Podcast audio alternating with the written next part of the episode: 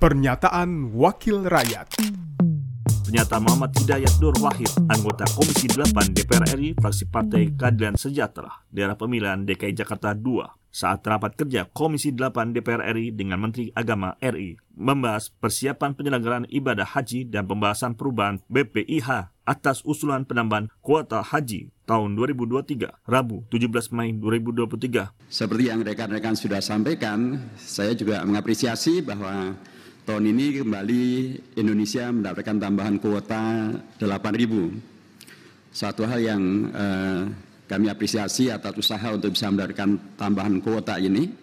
Sekalipun kami juga perlu dapat informasi. Kalau tahun yang lalu kan kuota tambahannya diberi 10.000. Tapi kan kita nggak pakai karena kondisi tertentu. Tahun ini kenapa malah jadi kurang 8.000? Mestinya kan kalau tahun, tahun lalu nggak dipakai, tahun ini 8.000 mestinya kita dapat 18.000 gitu. Di 10 tahun 10.000 yang lalu 8.000 yang sekarang jadinya 18.000 gitu kan husnudonnya kan gitu gitu. Kan harus syawal gitu selalu naik gitu kan. Ya kan yang lalu kan nggak dipakai gitu. Kalau bisa diusahakan langkah bagusnya gitu kan. Ya.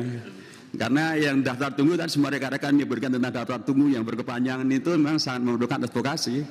Dan kalau bisa diingatkan ya tahun yang lalu kan mereka sudah uh, menyampaikan uh, apa, uh, usulan begitu ya dan kita sesungguhnya bisa merealisasikan. Kalau tahun ini kan kalau tahun yang lalu kan salah satu sebab kita tidak bisa mem, mem, apa namanya melaksanakan karena terlalu mepet gitu ya. Kalau sekarang relatif barangkali masih ada kemungkinan. Intinya saya ingin menyampaikan menyampaikan tentang penting juga ada upaya untuk memang bisa menanyakan dan kenapa kok sekarang malah kurang gitu. Kenapa tidak minimal sama?